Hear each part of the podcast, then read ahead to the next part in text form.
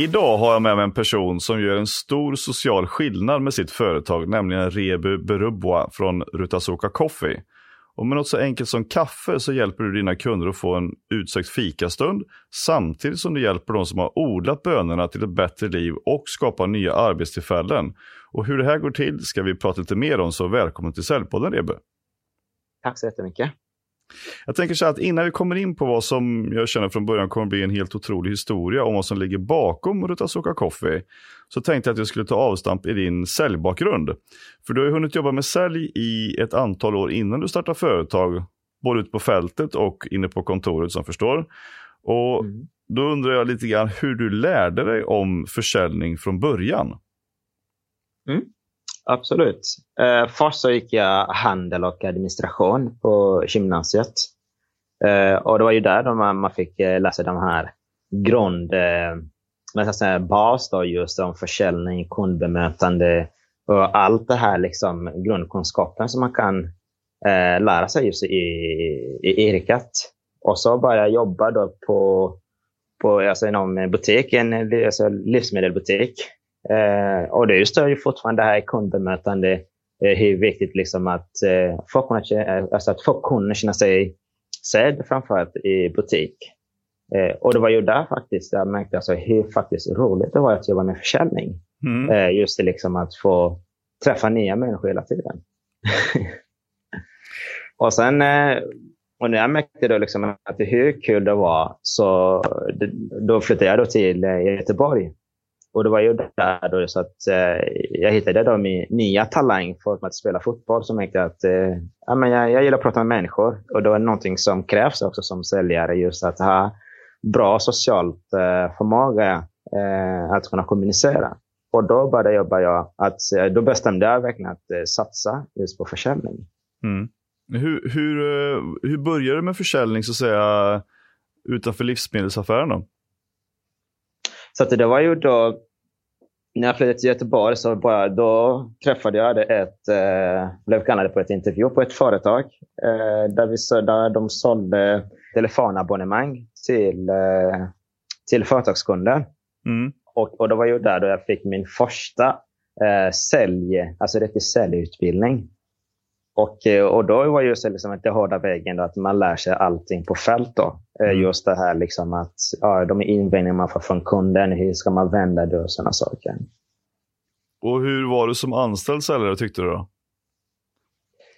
Som anställd säljare, det var ju att i början så var ju, man visste inte riktigt vad man höll på med. Utan man försökte liksom kolla liksom att det man lärde sig i skolan och, och det faktiskt det såg ut på, alltså i arbetslivet. Och sen då den kunskapen som jag fick då på just den SL-utbildningen som jag fick för det företaget, att jag skulle implementera det på fält. Mm. Eh, och med tanke då med den bakgrunden som jag har just med eh, alltså språkbarriär, eh, just med, med svenska språket som, som har varit en jättestor utmaning för mig, så var det ju svårt liksom att alltså implementera det allt jag lärde mig just på den, alltså den cellutbildningen utan alltså det jag gjorde istället att ja, men istället för att göra de här alltså, vad det, behovsanalys och de bitarna så gjorde jag så att nej, kunden ska börja gilla mig för att jag är trevlig. Mm. Och sen presentera den lösningen och sen få kunden att säga okej, okay, behöver jag den lösningen? Och det var ju där då så att jag fick eh, jag började lära mig så småningom, alltså liksom PMP, just liksom att hur jag ska prata med kunden. Eh, och det var ju där jag fick förstå också att hur viktigt det är att kunden ska tycka om mig. För att det är alltid så här med försäljning. är att alltså, Om jag gillar dig så kommer jag fortsätta prata med dig. Mm. Men om jag inte tror på dig så kan jag inte köpa din produkt. Men jag kan fortfarande prata med dig för att jag tycker att du är trevlig. Mm. Så att, och det är det som första så här lärde mig. Jag märkte liksom att jo, kunderna tyckte om mig. Tyckte att jag var trevlig, skön kille att prata med. Men det saknas det lilla, alltså den sista biten där, alltså trovärdigheten, är att liksom genomföra köpet. Och det var ju det som, det är ingenting som man lär sig direkt i, just på säljutbildningen, utan det är liksom att det är någonting som man känner av. Hur ska jag bygga förtroende med den kunden så att kunden ska köpa min produkt? Mm. Uh, och det är någonting som jag utvecklats då med åren. Just att satsa på liksom att bygga den trovärdigheten uh, hos kunden. Då. Hur upplevde du att det var när du jobbade med telefonabonnemang då? Med telefonabonnemang, så man, man, man säljer redan en produkt som kunden vet alltså hur den ser ut och eh, kunden kanske har testat hemma redan. Eh, så att, och det var ju liksom att, vilket att man säljer en produkt som finns redan på marknaden. Vilket innebär att den man pratade om det var just liksom de andra bitarna till liksom att då kommer då kundservice. Vad händer om min telefon inte fungerar? Vad händer om våra växel inte fungerar? Så att det är de här bitarna då som var viktigt för kunden. Eh, alltså, hur kan ni lösa mitt problem när det inte fungerar? Och sen då är mycket det här med priset också. Alltså, om man, för att om man kollar telekombranschen, alltså det är så pass stor konkurrens. Alltså, det finns alltså, Tele2, Telia, eh, Comvik, alla de här. Så då hamnar man alltid i de här pris, eh, alltså prisfokus. Och det där var ju då viktigt liksom, att pitcha, så, alltså, liksom bygga den relationen med kunden så att vi inte hamnar i prisdiskussion. Men hur lyckas man med det? Hur lyckas man bygga liksom trovärdigheten över telefon? Alltså det, alltså det var som är absolut eh, viktigast där, det var ju att, eh, att vara just lyhörd. Att man först, alltså, efter man har ställt, alltså gjort det här behovsanalys, så då blir det att kunden, alltså man svarar ju man, när man gör den här presentationen då, som gör att kunden förstår att okay, den personen har ju faktiskt förstått vad vi behöver för telefonlösningen. Så då är det inte bara liksom att men, här har du en telefon eller en iPhone, du kommer ringa fria samtal. Utan man utgår från att man tar fram en presentation utifrån de behov som kunden har. Och när man gör en presentation, då blir det som en bekräftelse på eh, som kunden bekräftar att ah, men, toppen, du har faktiskt förstått våra behov. Mm. Och, och när kunden känner liksom att du har förstått deras behov så ökar trovärdigheten. Och då så ökar också chansen att det blir en affär. Men mm. om du missar någonting i presentationen, utifrån, alltså att om du inte förstått riktigt kundens behov och är snabb på att bara presentera en lösning, så försvinner tilliten. Och då leder det till som kunden säger, ah, men kan du mejla mig den informationen jag ska fundera. Det är bara för att kunden inte förstått riktigt hur, alltså hur faktiskt din lösning ska lösa deras problem. Nej. Men tycker du att eh, de här pitcherna som skrivs då eh, och som lärs ut ofta att du ska säga så här, pitcha direkt och sen så bara gå på avslut. Tycker du att man borde resonera lite annorlunda runt det istället för att ha lite längre samtal kanske med varje kund för att öka trovärdigheten om, och enklare att få ett köp? Det tycker jag. Absolut. Uh, för att jag märker, jag jobb, när jag jobbade på Telenor på kundservice, så hade vi alltid sådana här liksom, att man fick prata liksom, i x antal minuter med en kund. Jag gick faktiskt till min chef och till min chef att men, det här tidsramen kommer jag inte hålla. För att jag vill faktiskt prata med mina kunder. Jag vill bygga en relation med mina kunder. Uh, för, att, för att ju mer du pratar med en kund, desto mer förstår kund. Alltså, du får, alltså, ni lär känna varandra. Du vet alltså, vem är vilken person är det jag pratar med? Vad har dessa alltså, person för beteende? Och, och, däremot, alltså, och direkt efter, det första, så vad har de för behov? Och när du har fått de här tre bitarna, det blir så enkelt när du ska göra en presentation. Så att jag hade de här bitarna i format att när jag presenterar en lösning till en kund, jag ska inte behöva gå på avslut. Utan kunden själv ska gå på avslut. Mm.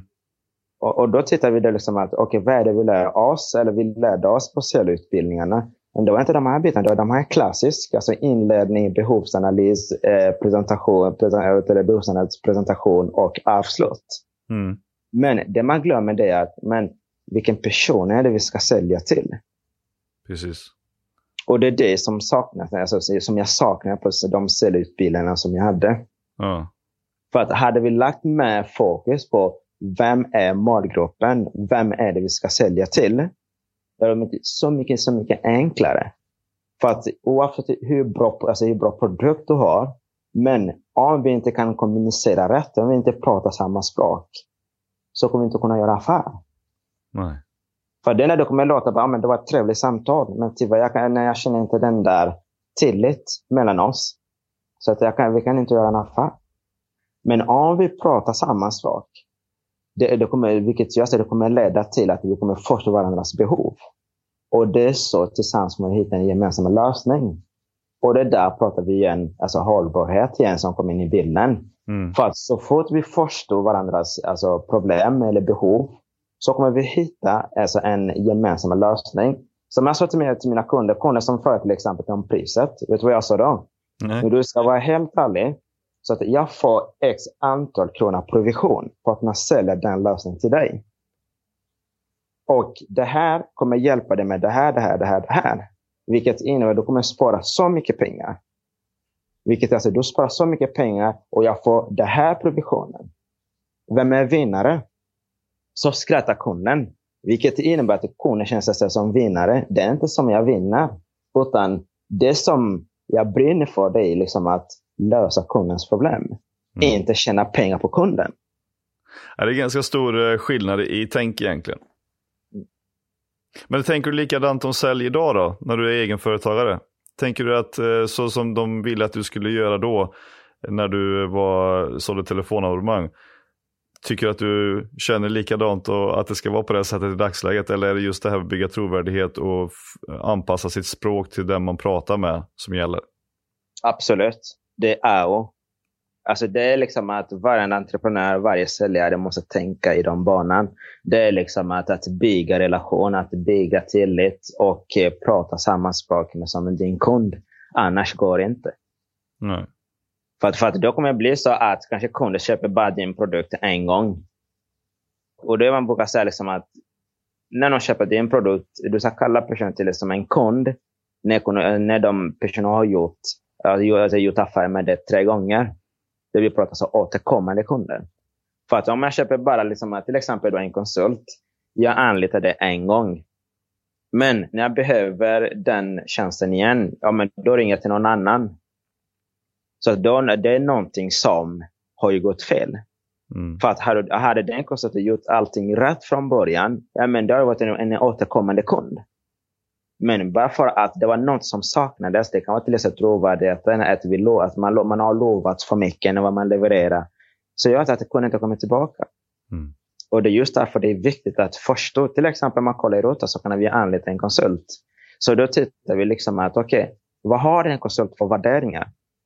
Först den konsulten, vad är det vi behöver? Mm. För att du kan ha jättebra alltså, kompetens i det området, men våra värderingar inte matchar. Vilket innebär att vi kommer inte prata samma språk. Nej. Och då blir det omöjligt att göra affärer i förlängningen. Så är det. Mm. Och det är så som jag, jag skulle önska liksom att många, eller som jag egentligen som jag skulle vilja att många, eh, framförallt säljorganisationer, börjar utbilda sina säljare till, alltså lägga mer fokus på målgruppen. Vilka är det vi ska sälja till? Hur fungerar de? Hur pratar de? Hur lever de? Då blir det så att när jag bokar möte med den personen eller när jag ringer det där samtalet för att man pratar med den personen, men då ska jag prata samma språk. Mm. Och pratar vi samma språk, jo, men då så bygger vi relation där. Och när vi bygger relation, jo, då kommer vi identifiera de här behoven. Och när vi identifierar behoven, det är då vi presenterar den där lösningen. Mm. Och när vi presenterar den där lösningen, jo, då behöver du inte gå på avslut. Utan kunden kommer bli träffad. Och när kunden blir träffad så kommer kunden själv gå på avslut. Mm. Och då får man höra liksom att, jaha, vad kan jag köpa? Som, man brukar, som jag brukar höra då. Vad kan jag köpa den där kaffet? Mm. I vilken butik kan jag köpa den där kaffet? Och då blir det, eller, och då, ja. När leveransen är, alltså, för det jag fick höra på Telenor, alltså, när, när skickar du telefonen? Mm. Eller hur ska jag flytta mitt telefonnummer från Tele2 till Telenor? Mm. Så att då blir det, aha, kunden redan är inne. Mm. Ja, det blir lite lättare då. Ja, men precis. Så att kunden själv går på avslut. Liksom. Eller så får man höra liksom att men du, ja, men nu har jag då tre månader kvar på Tele2. Hur, hur, hur, ska vi lösa detta? Så att, och då vet man att man gör någonting bra. Och sen är det viktigt, det är där som man brukar säga då, att återkomma. För det finns, jag kommer ihåg många Eh, jag hade mina kollegor där vi, vi började, alltså, som, är just det här att börja fira. Jag, bara, Oj, jag hade världens bästa säljsamtal, jag sålde på den. Men när du ringer kunden efteråt, nej. Kunden upplever helt annorlunda. Kunden mm. bara tackade ja till det köpet bara för att bli av med dig. Mm. Men du som säljare bara jublar, att du hade världens bästa samtal, när kunden skickar ett mail eller ringer för att tacka för den lösningen som du gav kunden. Då kan du börja fira liksom och säga att yes, en av de bästa samtal jag har haft. Liksom. Det är för att jo, du lyssnade på kunden, identifierade behov och presenterade en bra lösning. Och som kunden själv har upptäckt och känner liksom att jo, det är faktiskt en bra lösning. Den säljare håller den personen har lovat. Det fungerar faktiskt. Mm. Det är då man kan fira och säga liksom att yes. Ja, precis. Jag lyckades liksom. Ja, intressant att höra hur, hur, eh, hur din eh, tanke om försäljning från starten då fram till nu, att den har utvecklats och blivit helt annorlunda egentligen. Och eh, jag tänker att många borde kanske ta lite lärdom av det här som sitter på callcenter och sådana saker, att det måste inte gå fort när man ringer, utan det kanske är enklare att göra fler affärer om man pratar lite längre och lär känna personer man pratar med. Ja, men så är för att jag kommer ihåg Alltså när jag bytte då från, eh, för att jag jobbade på, bara på Tele2 och på Telia. Och det är som att, och så sålde jag också nyckelbrickor. Eh, och det var ju väldigt svårt. Och då var det liksom att alltså jag sålde varje dag. Men vad hände? Jo, det var många som kom i retur. Mm. Så att alltså, jag plingade hela tiden. Yes, jag har sålt, jag har sålt, jag har sålt. Precis när jag skulle få fast anställning så får jag höra, nej det har inte gått som, eh, så vi tänkte, men vad är det? Jo, vi har fått många produkter tillbaka. Mm. Jag, eh, där lärde mig då liksom att nej, det handlar inte om att prata snabbt med kunden och få ett snabbt ja. Utan det ska vara ett ordentligt ja. Mm. Så det är ungefär som man brukar säga i retoriken. Att när du släpper ett budskap, alltså när du sänder ett budskap, det ska inte bara gå ut. Utan den ska gå ut och det ska gå in. Mm. Precis. Och det är samma sak när i säljet. Alltså när du säljer en produkt. Kunden ska använda, eller en produkt eller en tjänst. Det ska användas. Mm. Du ska inte bara vara snabb på att skicka ut. För du kan skicka ut, men om det inte används, då har du inte gjort ditt jobb. Nej, precis. Men om du skickar ut den där tjänsten, alltså, alltså du, eller du rekommenderar kunden den där tjänsten den där produkten, så ska kunderna använda den. Och när kunderna använder den, då har du lyckats. Då har du gjort ditt jobb. Mm. Jag tänker så här, nu, nu har du skapat eh, ditt bolag här utav Soka Coffee. Och jag tänkte vi skulle komma in lite grann på hur det här har eh, uppstått. Men för att förstå det här och ge lyssnarna en liten bakgrund till varför bolaget har skapats från början så behöver vi ta lite grann avstamp i hur situationen då i Kongo-Kinshasa har varit de senaste 20 åren. För att ge mm. lite bakgrund till bolaget här. Mm. Om du vill beskriva lite grann om, för alla som inte vet om, hur det har mm. varit där de sista 20 åren. Absolut.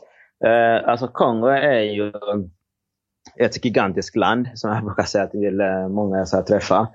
Alltså Kongo är ungefär fem gånger större än Sverige. Eh, och där bor ungefär över 80 miljoner människor. Och det är som jag brukar säga att Kongo är ett land som skulle vara ett av de rikaste i världen när det kommer till eh, naturresurser. Och det är det som har även orsakat att eh, den problematiken som finns i landet till de här mineralkonflikter som har pågått i över eh, 30 år. Och det första jag upplevde det var ju när jag var sju år gammal. Det var 1996 där jag fick uppleva en av Afrikas största krig. Det var ungefär åtta länder som krigade i, på, samma, på Kongos mark just för att komma åt eh, mineraler. Och det just det kriget har ju påverkat landet väldigt mycket. Eh, där bland annat sjukvårdssystemet har försämrats. Kongo idag är ett av, eh, eh ett av länderna med högst barndödligheten i världen. Eh, 77 procent av eh, eh, befolkningen i Kongo lever i extremt fattigdom. Och det är ju på grund av just de här mineralkonflikterna som har pågått eh, i landet. Då. Och det som det ser ut idag, så att eh, man jämför då hur det var liksom för några år sedan när vi flydde till Sverige. Eh, så det börjar gå åt, eh, åt rätt håll. Politikerna börjar först vad landet behöver. Eh, just det här liksom att tänka hur ska de förhandla för, alltså för befolkningens bästa. Inte för bara deras bästa. Så, vilket, vilket har gjort att eh, många börjar liksom tänka mer eh, att ta alltså liksom det här ansvar eh, att blir självförsörjande än att vänta, att, än att vänta på bidrag. Mm. Men den här mineralkonflikten då, eh, jag förstår att din pappa började engagera sig lite politiskt i, eh, i Kongo då under den här konflikten och att det ledde till en hel del tråkigheter för er del. Det stämmer, ja, precis. Eh, och det var ju så att eh, när vi flydde då, eh, 1996, när jag var sju år gammal, så var ju, alltså vi hade verkligen ett bra liv. Så vi, levde, vi levde ett medelklassliv. Och när vi kom tillbaka då så hade då rebellerna rånat, eh, gjort inbrott och tagit allt vi hade i hemmet. Vilket ledde till att vi gick från att leva ett medelklassliv till fattigdom. Och för pappa då så blev det som, eh, det blev för mycket för honom. Just därför att han var van så fort vi springer till honom, pappa jag vill ha det här, så fick vi det direkt. Eh, till att när vi springer till honom och säger pappa jag vill ha det här, nej. Och då var det liksom att han kunde inte leverera det helt enkelt. Och, eh, och när det blev för mycket då, när han kände att, typ att han var otillräcklig, eh, han kände sig otillräcklig så började han då engagera sig politiskt med hopp på att han kunde göra en förändring. Mm. Med den politiken då som han började engagera sig i så gick det inte som han hade tänkt. Och då ledde till att uh, min mamma blev misshandlad. Och det var just det som vi brukar kalla då maktpolitik. För att han fick eh, snabbt en bra tjänst just inom politiken.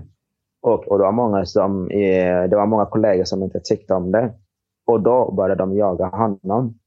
Och de började jaga honom och kunde inte få tag på honom. Så började de ge sig det på oss. Då. Och då var ju då, det var en natt där eh, mamma låg i sängen och så kom bara de här rebellerna direkt in i sovrummet. Så det, det var människor som kände till oss och som kände hur vi levde. Så de visste redan liksom att eh, sovrum och allting. Så att det kändes liksom lite obehagligt i efterhand. Eh, och då kom jag in bara och sa till mamma om du inte visar din man så kommer vi döda dig direkt. Och då bad de då slå henne med ett vasst föremål. När pappa kom in i huset så hörde han bara mamma skrek, alltså hjälp. När, när han kom in i rummet så det var bara massa blod överallt. Eh, och då tog vi henne till eh, sjukhuset. Vi hade ett närliggande sjukhus. Och där jobbade då min, eh, min farbror. Han är läkare. Eh, och det var han då som eh, räddade mammas liv. Eh, det var obehagligt liksom att stå utanför dörren och höra hur mamma skriker liksom, för att när de sydde ihop hennes sår. Så att det var fruktansvärt. Hur går man vidare från det sen då? Alltså det, det är svårt. Alltså det är svårt. För att om man kollar liksom att under de här åren det har varit liksom att svårt att släppa det. Och det är viktigt att ha människor runt omkring sig som förstår och som har koll på en. Om man kollar då när, eh, alltså när man var må bättre på sjukhus så skulle, vi, så skulle vi då åka hem. Och då sa våra grannar då att ni kan inte sova i samma hus längre. För att de här rebellerna, deras mål var ju för att döda. Mm. Och, eh, och då sa de att men ni får sova hos oss. Om de, alltså om de kommer tillbaka så kan de döda oss allihopa i så fall. Så att eh, i en sån sak, då, blir, då, då börjar man ställa sig frågor i form av vad är det vi har gjort för fel för att vi ska vara den enda familjen som blir drabbad. För det är det som är det svårt med maktkonflikt. För att det är inte hela samhället som blir drabbat och det är alltså enstaka familjer som blir drabbad. Så, och så tänker man liksom att fast hade vi varit så pass onda människor i samhället så hade inte de här grannarna öppnat sina hem för att vi skulle känna oss trygga. Och då började man ställa sig de här frågorna. Och, eh, och jag kommer ihåg då, att när vi flydde till Sverige så att då var ju liksom att man, alltså det stannade fortfarande i huvudet, alltså på oss, i form av liksom att någonting ska hända. Och där var ju då föräldrar så, de var så pass bra och starka genom att säga till oss att nu bor vi i Sverige, här är vi trygga. Men det är någonting som det tar tid innan det försvinner. Så det är ingenting som man kan bara ställa in sig och bestämma sig direkt. Att nu vill jag inte att de här skräckbilderna ska försvinna från min hjärna. Utan det är tiden. Och det är så det har varit. Liksom att, eh, men alltså, ju längre vi har bott i Sverige, desto då, alltså de här bilderna försvunnit liksom, eh, mer och mer. Men att gå vidare från det, det är liksom att man hamnar i en sån situation där man, man ställer sig själv en fråga. Ska jag fortsätta tycka synd om mig själv? Eller ska jag kämpa för att gå vidare? Och det var de frågorna som jag ställde till mig själv. Eh, alltså just det här liksom att om jag ska fortsätta tycka synd om mig själv. Och när jag bestämde mig att, att nu är det dags att gå vidare. Nu är det dags att faktiskt satsa på mitt eget liv och inte det leva i det förflutna. Och det var ju då allting började hända. Då. Mm. Mm. Men fick ni fly från Kongo då eh, vidare och hur, hur tog ni er till Sverige så att säga? Först det var ju då när man blev misshandlad, så det var 2002, eh, så flydde först till eh, Tanzania och där bodde vi då i en eh, flyktinganläggning eller flyktingkamp i ett år. Och det var då vi fick då liksom, det var ju svårt alltså, att leva alltså, liksom i fattigdom på riktigt. Alltså du äter bönor varje dag. Mamma kunde inte tänka klart på grund av såret. Eh, så det var, det var väldigt svårt. Och sen eh, och så kom vi hem igen. Och då hade pappa då byggt sitt nätverk. Eh, det finns en FN-organisation som jobbade i alltså grannländerna. Eh, Burundi heter den. Och det var ju där då de som hjälpte oss då att eh, söka asyl då till, eh, till Sverige. De ringde faktiskt till Norge och då sa Norge att de var inte redo, eller de ville inte ha fler politiker i Norge. Och tack och lov så tappade Sverige ja. Och, eh, och då kom vi till Sverige. Mm. Ditt första initiativ då för att liksom göra något för den här regionen som du har ditt ursprung i, då, det blir ju att starta en klinik. Alltså mm. inte alls kaffe utan med sjukvård som heter Rutasoka Clinic. Mm. För och vård till kvinnor och barn. Kan du, kan du berätta lite om hur den tanken gick från början att du ville göra det där? Absolut.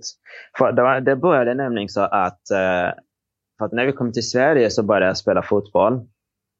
Eh, och det var ju då jag kom in just i samhället.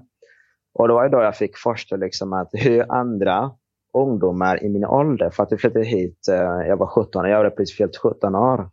Alltså hur deras liv ser ut. Och, och då är som man brukar säga att man, ja, man blir som man umgås. Mm. Och då började, alltså jag började lära mig liksom att se hur faktiskt andras liv ser ut och vad de gör, hela de här bitarna. När man åker på bortamatcher, eh, fotbollsmatcher, så får man höra det här. Liksom, att jag har tagit körkort, jag, jag har köpt en ny lägenhet. Alltså, man, fick fick verkligen den här kicken, liksom, att hur andras liv ser ut. Och det var det som fick mig igång. Liksom, verkligen liksom, att börja kämpa liksom, för att lyckas. Och eh, alltså just det med, med kliniken kom egentligen senare. Och det var ju då efter allt om och om som jag gick igenom just med arbetet med språket. Eh, men när jag kämpade igenom den här tuffa perioden så och mamma såg då att ja, mitt liv verkligen började gå åt rätt håll. Då ringde hon då och sa att eh, jag ska inte glömma eh, var jag kommer ifrån. Och då, då sa jag, men vad menar du? För att vi brukar ju skicka pengar till Kongo varje månad. Och då sa mamma, ja men vi har ju många släktingar som behöver vår hjälp. Så, det, så du ska inte glömma och kom ihåg liksom att hur vi levde. Och det är inte alla som har samma möjlighet som vi fick att komma till Sverige. Så, och under den tiden jag hade de här, alltså när, jag, när, när det var tufft i Sverige, så att jag ville inte någon skulle nämna Kongo eller någon som skulle nämna Afrika. Och eh, det man läste, alltså olika tidningar som skrevs, olika artiklar som skrevs i, om Kongo. Men med tanke på att jag hade, jag hade andra fokus, att det var, det var ungefär någonting som jag ville inte ens tänka på. Men när mamma ringde, då tänkte jag bara, men vänta lite nu. Alltså jag har läst om de här sakerna, liksom vad som pågår i Kongo. Låt mig läsa mer för att man förstå faktiskt lära känna mitt eget land. För att när man bor i Kongo, man har ingen aning vad som pågår. För att det, alltså det, vi har inte samma möjlighet till att ta del av information om vad som sker i landet. Nej. Och det var ju då jag började läsa om Kongo. Och då, ja, då var då jag fick förstå då liksom att, att hur kriget har påverkat landet negativt. Och det var då jag fick förstå också att just det här mineralkriget, det är det jag själv personligen har upplevt i så pass tidigt ålder, som en sjuåring. Som jag upplevde första kriget. På grund av, jo, någon girig person som ville komma åt mineraler. Så att istället för att kunna använda en laglig väg, alltså där man kan förhandla på ett, på ett bra sätt, så valde de då att använda våld. Mm. Och som har orsakat att vi fick lämna landet, att vi flydde landet. Och, och det var ju då också att jag, jag hittade också att Kongo är ett av länderna med högst barndödligheten. Och det är ju också på grund av just de här mineralkonflikterna. Och då ökade fokus då, jag började ändra min inställning. För att när jag började som säljare, det enda jag tänkte på då var bara att tjäna pengar. Mm. Helt plötsligt ändrade mina värderingar. Bara, här, det, så här kan det inte bli. Oavsett hur mycket pengar jag kan tjäna, hur mycket provision jag kan tjäna. Så länge det skrivs så pass så mycket negativt om ett land, om människorna som har varit där för oss när vi hade som tufft. Så, så alltså, det är ingenting som jag kan bli stolt över. Jag kan inte bli stolt över att jag känner bra när mina medmänniskor som har varit där, som har tagit stora risker för att vi ska känna oss trygga, lever i en sån situation. Och då ringde jag till, eh, till min farbror som var läkare. Då, och frågade honom verkligen för att man får det här bekräftelse att om allt jag läser i tidningen, om det stämmer. Och då sa han att det stämde. Att sjukvårdssystemet är väldigt, väldigt, eh, har försämrats väldigt kraftigt efter den här mineralkrisen, alltså mineralkonflikten som har pågått så pass många år. Och så berättade han också att kvinnorna såg ingen skillnad att besöka, att, alltså när de ska föda, att besöka, alltså besöka sjukhus eller föda hemma. För att det var så pass dålig hygien och dålig, eh, alltså dålig utrustning. Och då ville de att föda hemma istället. Och när de föder hemma, men då, alltså när, det, när det inte går som, som de har planerat, men då finns ingen läkare där som kan hjälpa dem. Och då leder det till att alltså spädbarn dör eller mamma dör. Och vilket har varit då en av de största orsakerna att Kongo, eller, mitt, eller framförallt i östra Kongo, har så pass, hög, så pass hög eh, barndödligheten och mödradödligheten. Mm. Och då kom jag igång då. Och då ringde jag till mamma att mamma, nu, jag vill göra det här. Men jag behöver er hjälp. Jag är ingen tomte i Kongo. Jag har inga pengar till att jag kan köpa, jag kan köpa tomten för att bygga ett bra sjukhus. Och då sa pappa att vi har tomt i Kongo, ta den. Och då pratade jag med min sambo hemma och sa att jag vill göra det här, jag vill bidra tillbaka. För att alla de här människorna som har svårt att få vård, det är människor som har varit där för oss. Mm. Och mamma är en person som har kämpat för att vi ska ha det här livet som vi har idag. Och att göra den här saken så vill jag att göra mamma stolt. För att hon ska känna att jo, det var värt det att kämpa för oss. För att vi skulle få bo, alltså, bra uppfostran. Trots att alla omständigheter som vi gick igenom. Och då ringde jag till min farbror och började bygga den förlossningskliniken. Men hur gick det till rent praktiskt då? För anlitades det personer då på plats som byggde upp det här, den här kliniken och installerade sjukvårdsmaterial och sånt? Eller hur, hur fick du ihop liksom material och pengar till att få ner det dit? Uh, först då var ju då min sambo, för att efter då vi, när vi bestämde att vi ska uh, bygga den förlossningskliniken så tittade vi då vad andra hjälporganisationer hade gjort. Eh, och då såg vi liksom att alltså, många byggde så här, så här små, små alltså hus eh, utan att tänka på hygien. Och då sa jag till eh, min sambo Stephanie, jag vill att det här ska bli riktigt, riktigt bra. Jag vill att det här ska vara en del av utveckling i samhället. Men ska vi kunna se att oj, nu händer saker i vårt samhälle. Kan du snälla sitta ner och rita en bra byggnad? Och eh, ja, så satsade vi för att hon kan rita. Så började hon rita, liksom skissa hur den skulle byggas. Och så, skick, så skickade vi då den eh, dokumentet till Kongo. Och då sa till farbror, se till att hitta en jättebra ingenjör som kan hjälpa oss att för, alltså, förverkliga den byggnaden. Och eh, han hittade en jättebra ingenjör. Och så vi pratade med honom och berättade också om varför jag gör det jag gör. Alltså varför jag vill bygga den förlossningskliniken. Och, eh, och då sa jag till honom att, att hitta bra eh, byggarbetare som kan bygga just den kliniken. Så att eh, vi skapade ungefär 72 arbetstillfällen. Eh, så 70 byggarbetare som byggde allt ifrån eh, från grunden. Eh, ja, så att, eh, och då tog vi kontakt med den eh, danska organisationen som eh, sköpade utrustning då till eh, Kongo.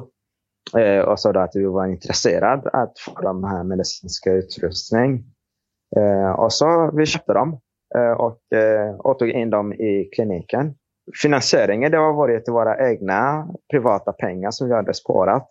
Eh, och så tog vi också ett eh, banklån för att eh, färdigställa allting. Då. Mm. Mm. Men eh, hur, har det här blivit, hur har det påverkat samhället här nu med den här kliniken finns på plats? Att man inte behöver gå eller ta sig väldigt lång väg för att föda barn eller få vård? Uh, först och främst så många blev överraskade att, uh, att vi gjorde just det alltså vi tog det initiativet. För att uh, sättet som vi lämnade, alltså som vi, som vi lämnade landet, ingen som trodde faktiskt att vi skulle ge tillbaka. Många blev liksom så att, många fick, alltså fick det här liksom att, hur kom det sig? För att vi, alltså när vi åkte dit eh, 2016 för att titta på, alltså på byggnaden, alltså jag lovar, många grät. Många grät och sa liksom att vilket hjärta vi hade. För att mm. ingen som trodde att vi skulle förlata samhället för allt som vi fick, alltså för allt som vi fick emot oss. Och det enda som jag sa till dem är att någon gång i livet så måste man förlåta. För att ska vi fortsätta och tänka liksom det här, bara för att du gjorde det här mot mig så kan jag inte göra det här. Så kan vi inte bygga någonting. Så kan vi inte utveckla någonting. Och, eh, och det enda som jag behöver, alltså jag vill visa också till samhället och säga att vi behöver ta hand om varandra.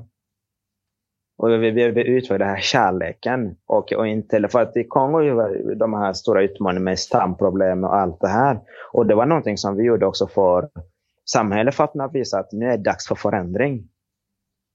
Så det är dags också att visa, för att jag, jag ville visa dem att för att många såg mig som en liten pojke som bara spelade typ fotboll på gatan. Till att oj, är det Rebo som gör det här? Vilket är, alltså det, på, alltså det förändrar samhället på ett annat sätt. Dels mina barndomsvänner får, alltså, fick förstå att allt är möjligt oavsett vad man har gått igenom. Politikerna har ändrat sitt syn att förstå liksom att oj, varför ska vi fortsätta tänka, alltså vara giriga och bara tänka på oss själva? Och glömma alltså, alltså vårt folk, att vi måste börja tänka liksom att lösa problemet i samhället. Mm. Så att just det initiativet har ju ändrat syn på alltså, tankesättet hos politikerna och även hos lokala befolkningen. Och, och visa liksom att det finns ingen som kan lösa våra egna alltså våra problem förutom vi själva. Mm.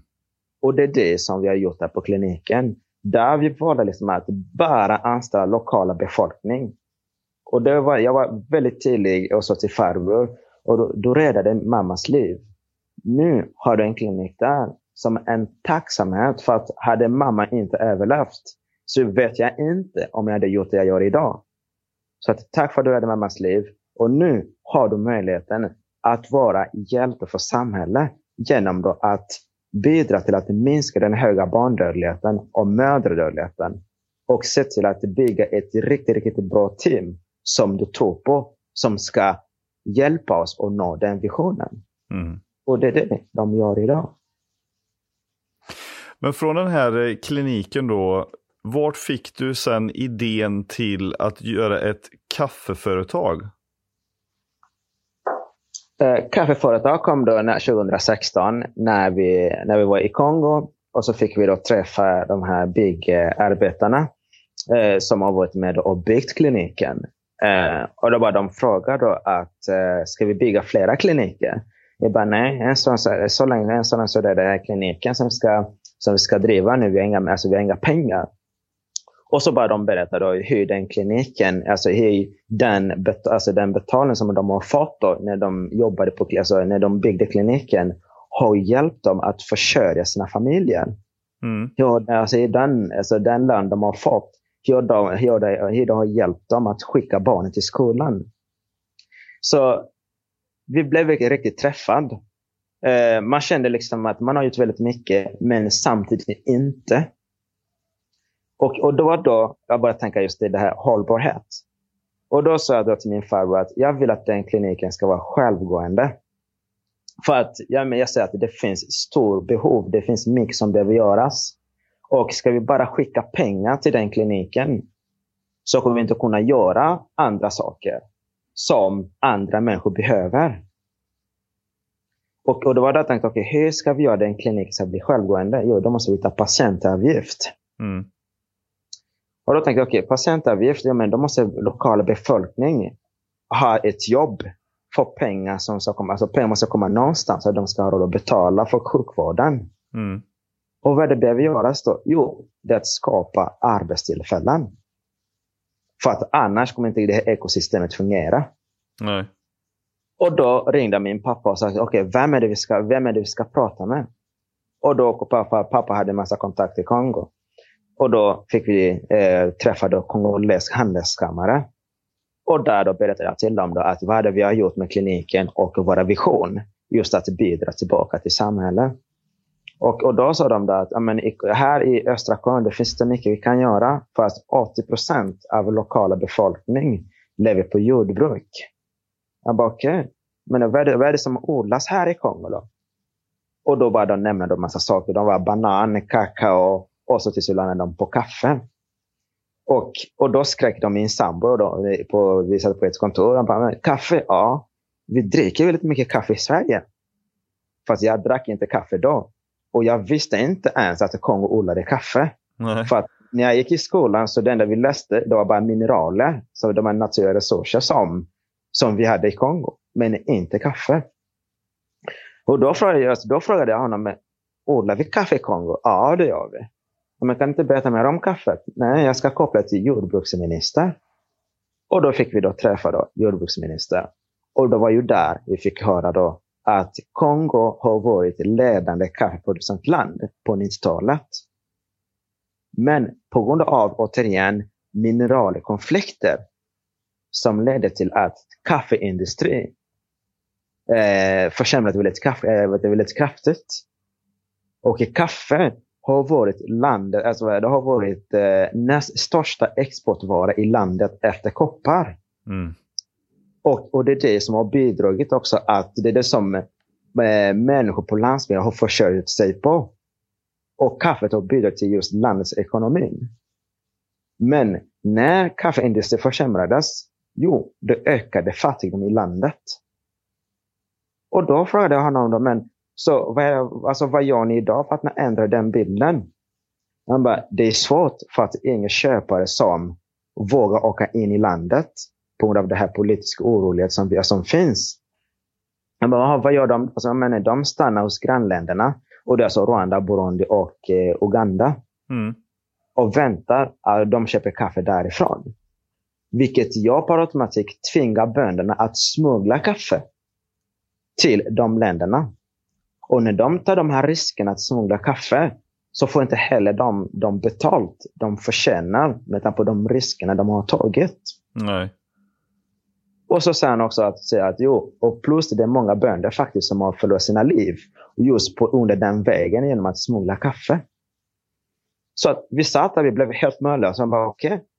Okay. vi tror att vi har löst alltså, ett av de största utmaningarna, att bygga en klinik för att minska den höga barndödligheten och mödradödligheten. Men här har vi ett annat stort problem där människorna gör allt för att försörja sig själva och försörja sina familjer och för att kunna överleva. Och då sa vi till jordbruksministern, okej, okay, vi kommer inte ge något svar idag, så att vi måste åka hem och fundera. Och då åkte vi hem då. Och då tittade vi, okay, hur ska vi lösa det här problemet?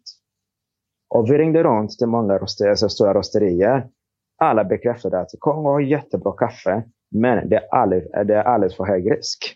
Mm. Därför att man inte kan få en, eh, en tydlig leverans hela tiden utan det, det kommer bara stötvis då för att det kommer inte ja. ut kafferna. Kaffebönorna kommer inte ut från Kongo alltså. Alltså, det, det, är just det här att man läser. Alltså, vi, I Sverige är det så att vi, alltså, Sverige har inte haft krig på mer än hundra år. Eh, vi, vi, söker alltid den tryggheten. Och, och när man läser allt som skrivs i tidningen, eh, liksom att, ja, som skrivs om Kongo och allt som man ser på nyheterna och hela det här. Så det är klart det påverkar. Men det man glömmer det är liksom att det finns andra väg så länge man har kontakter.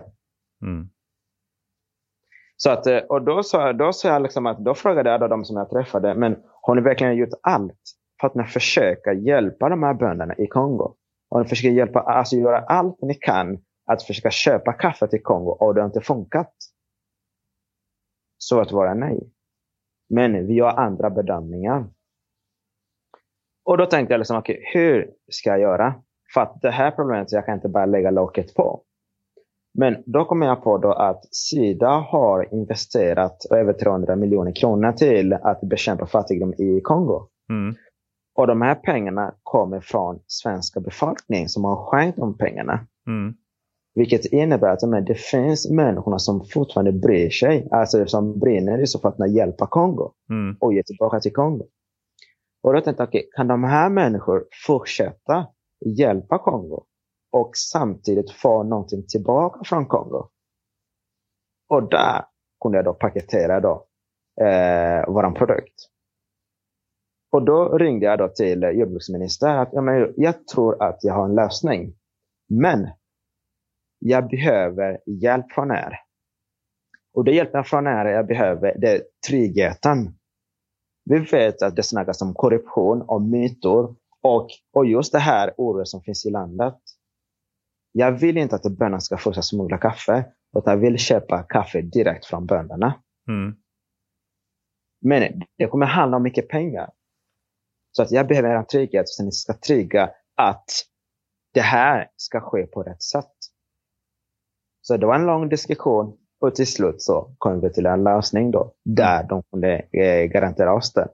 Och vi hade även möte med hälso, alltså hälsominister för att garantera oss så att kliniken ska drivas utan att det blir påverkat av massa korruption och mutor. Och då kunde de garantera med det. Och så började vi då. Och det var då vi bildade det här bolaget, Rota Socker. Då. Mm. Och så började vi då importera kaffe. Men hur får ni ut kaffet från Kongo då, om det fortfarande är så att man behöver smuggla lokalt? Men så att vi, så att vi säger till bönderna, de ska inte behöva smuggla. Utan vi köper kaffet i östra Kongo som körs via Rwanda direkt till Mombasa i Kenya. Och från Mombasa, där vi, alltså vi, vi körde med lastbilen då till mm. Mombasa. Och där Mombasa då så är det båt eh, och det är sjötransport då direkt till eh, Hamburg. Och det är Hamburg så har ett lager där som vi, eh, som vi, där vi lagrar. Just nu har vi tagit en container och där tar vi in då pallvis för det är billigare för oss att lagra kaffe i, Bel i Belgien eh, än att göra det här i Sverige. Mm. Mm. Och så betalar ni direkt till bönderna på plats alltså? Precis, och där har vi då ett kaffekooperativ. Då. Eh, för att det är många bönder som har inte möjligheten. för att Alltså kaffet är ju, det är ganska komplext. Alltså innan, innan kaffet verkligen hamnar i din kopp så är det mycket arbete som ligger bakom. Mm. Eh, och då krävs där en tvättstation. Just för att kaffet ska, just det, bearbetning. Och där, där avgörs kvaliteten faktiskt. Mm. Och, och många bönderna har inte just den möjligheten. Så att, alltså, att ha alltså, egen tvättstation. Så att det vi gör då det är att, att ja, vi samlar in bönderna i kaffekooperativet. Så att när det är skördperioden så skördar de sitt kaffe på sina gårdar eh, och transporterar till tvättstation. Och därifrån så får de då betalt. Okay. Och där har vi då väldigt, väldigt nära eh, relation med kaffekooperativet. Så att bonden ska få rättvist betalt. Mm. Och det är någonting som jag sa dem, alltså, alltså till dem från början. De bara, det här är otroligt viktigt. Jag vill inte att det ska, känna, det ska finnas två olika, att bonden ska känna sig att bonden är på ena sidan och kaffekooperativet på, på andra sidan. Utan det, de ska jobba som en enhet. Mm. För att det här ska bli hållbart. Och det så vi har ju byggt kaffekooperativet. Och just nu pågår eh, där vi är på att utbilda eh, kaffebönder. Så att tillsammans med kaffekooperativet eh, identifiera behovet. Vad kan vi göra för att motivera bönder för att eh, de ska fortsätta odla kaffet? Vad kan vi göra för att utveckla kompetensen hos bönderna?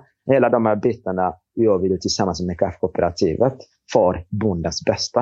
Mm. Men sen har ni rostat de bönorna här i Sverige på ett lokalt rosteri då? Det stämmer. Eh, och idag har vi ett samarbete med Bärstrands kafferosteri i Göteborg på Hisingen. Mm. Eh, och det är där vi rostar då, eh, kaffet. Och så distribuerar vi då till olika segment. Då. Men hur börjar du sälja kaffe då i Sverige? För det finns ju en enormt stor konkurrens. Det stämmer, ja. Precis. Och det var det som var, alltså, när allting var klart, liksom, hur, hur det här liksom, logistik, allting skulle ske. Och då var det liksom att okej, okay, nu kommer det absolut viktigaste frågan. Det är att hitta vem som ska köpa det här kaffet. Mm. Och här handlar det inte, alltså, här handlar, vi tänkte inte ens att vem ska köpa kaffet. Utan det var ju mer liksom att vem ska vara med och göra detta tillsammans med oss. För att det, alltså det, det jag ville göra det var liksom att bygga det här brunn mellan Kongo och Sverige. För att Sverige har haft jätte, jättebra samarbete med Kongo alla missionärer som har varit och jobbat och hela de här bitarna. Så att, och då kände jag att jag vill ta tillbaka den relationen igen. Så, och då var det liksom att, och då var jag okej, okay, jag ska inte sälja kaffe. Utan det är visionen jag ska sälja. Så att jag gick till varenda butik. Det enda jag gjorde, det var två frågor. Jag gick in och sa att ja, jag sa att ni, importerar, ni, ni säljer östafrikansk kaffe. Ja, det stämmer. Okej, har ni kongolesisk kaffe? Nej, det har vi inte. Ja, men vad bra. Och så berättade jag storyn. Mm. Jag bara, ja, vi har byggt en, en förlossning, en mödravårdsklinik i Kongo. Och, och nu importerar vi kaffe för att just få lokala befolkningen att bli delaktig i samhällsutveckling genom då att ta fram den här produkten. Och jag tänkte höra om det är någonting som du skulle också vilja vara med och hjälpa oss att sprida det här budskapet genom att sälja det här kaffet. Och så får jag fråga, är det bra kaffe då? Jag bara, jag har inte druckit kaffe länge, men här har du en prov. Du får testa och se om det är något som passar i din, alltså, som skulle passa i dina, bland dina sortiment. Mm. Så lämnar jag prov där och jag har berättat varför jag gör det jag gör. Och så kommer jag tillbaka en vecka senare och frågar, vad tyckte du om kaffet? Ja, men det var jättegott. Vi vill ta in den. Och såklart vill jag vara med och göra det här tillsammans med er. Och det är så vi säljer idag. Och det är så vi har byggt det här bolaget. Så det blir liksom ett CSR-tänk då för återförsäljning av kaffet också? Det stämmer, ja. Mm. Precis. Mm. Så att det är så att där signalerar de att nej, vi vill inte bara sälja kaffe. Utan vi vill också vara med och bidra till en, alltså att göra världen till en bättre plats. Mm. Och de signalerar det till sina kunder. Eh, att, att vi vill inte bara tjäna pengar. Utan vi vill också göra någonting bra. Och såklart, de ska rekommendera, alltså, eh, för att, genom att berätta den historien, gör att de sprider budskapet att få slutkonsumenten att först liksom att okej, okay, hur ska de tänka när de gör sina inköp? Mm. Men någonstans, det måste börja någonstans. Och de måste bli liksom att det måste börja hos dem. För att när de berättar varför de tog in Rotosa Coffee i sitt sortiment så kommer de bara återberätta samma historia till slutkonsument. Att, för, att eh, förstå varför de ska köpa det kaffet. Just det. Och det är så, det är det vi brukar säga då, sociala säljning. Så att man ska, man ska inte bara köpa någonting för att man köper någonting. Utan man ska veta varför man köper den produkten. Varför man köper den tjänsten. Och i det här fallet så spelar det väldigt stor, det är väldigt stor skillnad på plats lokalt eh, för de lokala bönderna jämfört med hur det var tidigare. Att de riskerar livet för att sälja sina produkter. Det stämmer. För de blir ju att de känner det egenskap. Och det var ju det till, alltså jag var till med dem när jag träffade dem 2017. Och jag sa till dem så här. Anledningen för att ni är där och jag är här är att för att min mamma slutade aldrig kämpa. För att det ni har gått igenom, då har jag gått igenom. Det har min familj gått igenom. För att hade min mamma slutat kämpa, jo, då hade vi stannat kvar här och tyckt synd om oss själva. Och ni är ju där, ni har en familj. familj som har barn som har hög förväntning att ni ska hjälpa dem. Vilket innebär att nu gäller att ni ska ta ett ansvar som förälder att ge någonting till barnen. Och jag är här öppnar faktiskt den möjligheten för er att faktiskt bli självständiga genom att göra det ni är bra på. Är det att odla kaffet. Mm. Och jag kommer göra allt i min makt för att öppna marknad åt er.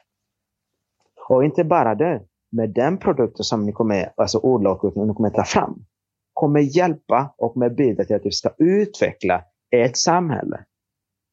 Vilket innebär att ni behöver inte förvänta att staten ska göra någonting.